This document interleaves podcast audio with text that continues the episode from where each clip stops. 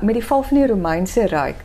Kyk, ons weet dat die Romeine baie speserye in hulle kos gebruik het. Daar's die wonderlike wonderlike kookboek van Apicius wat geskryf is. Ons weet nie eintlik wie hy is nie, maar ons weet dat hy ongelooflike baie speserye en verskeie speserye in een gereg gebruik het. Ja.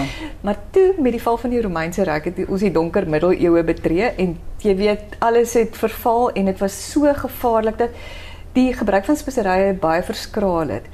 Maar en dis nou waar ek nou weer inkom alles met met uit uit 'n kosoogpunt sien met die renessans wat ek dink uit my oogpunt baie gedryf is of waar kos 'n groot katalisator was want die kruistogte het begin in Venesië en dit het 'n en dan het hulle weer teruggekom en dan het hulle nou allerlei eksotiese produkte soos sy en speserye teruggebring. En hierdie Venesiese handelaars het fabelagtig ryk geraak. En dit het dan die die speserykokens het eers na die Noord-Italiaanse stede en ja. rykes daar versprei en mettertyd deur die res van Europa. En nie net vir ons laat lekker ryk iewers jy kan dink mense het nie altyd ge, so baie gebad daai tyd natuurlik nie so daar seker maar seker maniere gebruik om lekker te ruik maar lyke ook ja lyke te balsam kyk speserye was eintlik dink ek voor dit in kookkuns gebruik is belangriker as medisyne as 'n geneesmiddel. En natuurlik, o jy kan wie nou daar's nie wat het jy gebruik vir die tandepasta gehad het? Jy het nou maar 'n kruietjie of 'n speserytjie gesuig, ja. weet, so of gekou. So 'n bietjie ment geëet ja, dalk ja, en en vrot kos. Ja, weet jy dis een van die mites van die middeleeue dat vrot kos verdoesel is met speserye, maar uh, Martelies dit maak nie eintlik sin nie want kruie en speserye was so duur. Ek wil speserye eintlik was so duur geweest. Waarom sal jy nou, jy weet, ja. ek waar kom die gesegde vandaan? Dit is peperduur. Want dit was so duur soos peper. Peper was sy gewig in goud werd. So mense sou nie vrot kos. Jy sou ryk mense sou mos nou nie vrot kos ja, gaan ja, ja. maak nie. Ja.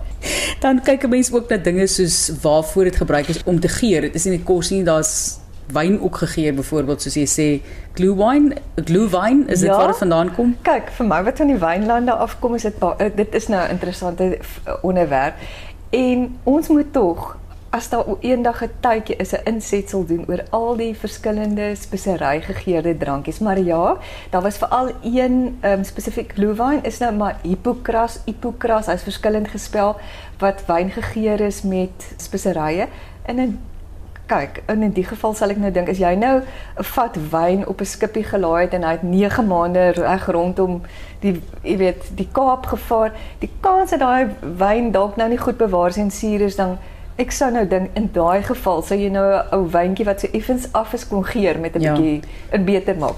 Maar en dalk 'n bietjie suiker op by by gooi of 'n bietjie suiker. Presies, maar jy weet onthou suiker is ook maar eers onthou Columbus en De Gama het maar eers die nuwe wêreld is ontdek eers in die einde van die 15de eeu. ek, ek, ek het gedink toe ek daai bestelling maak die tydlyn ja, gaan nie reg ja, werk nie, maar ja.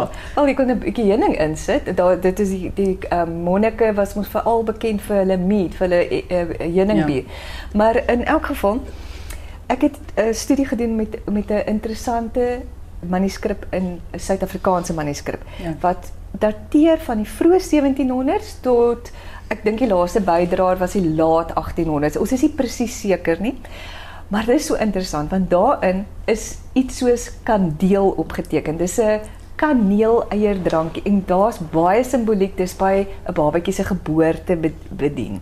En dan was daar ook gewees eidelombrei, die se resep staan so en dit verwys natuurlik na die uh, streek in Lombardye in Italië um, wat 'n voorloper van die Italiaanse Zablagioni was, waarin daar eiers, saffraan sure. en suiker in was. En dan is daar slem. Ek het nog nooit van slem gehoor nie en toe ek dit nou gaan navors, toe kom ek agter dit was 'n baie uh, algemene drankie in Europa in Holland gewees, maar hier in Suid-Afrika en dis in klein teekoppietjies bedien spesifiek. Daar's dit is baie interessant, maar dit het saffraan, naaltjies, kaneel en foelie. Jy weet nou foelie wat baie mense vra, ons het vergeet wat foelie ja. is. Toe ek 'n kind was, ons het baie foelie gebruik.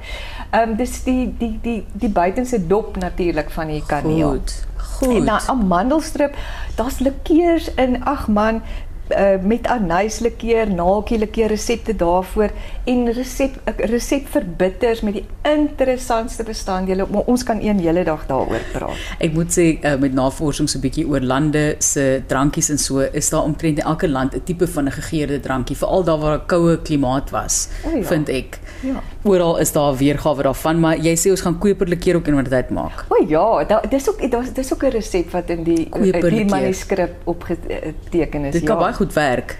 Koper jelly met 'n bietjie van alkohol by. Ja, daai meng dit. Fikker lekker. Ek moet hom nou net weer die resep gaan opsom, maar as ek nou reg onthou was dit met 'n bietjie koriandersaad. Ja. Dis meer soos 'n 'n 'n brande, jy weet 'n oude wie gewees stel, maar ons ons moet eendag daaroor praat. Dis Etta van Deventer, sy's 'n kultuur- en koshistorikus en volgende keer praat ons oor hoe mense 2000 1000 of selfs 5000 jaar terug speserye gebruik het in kokens.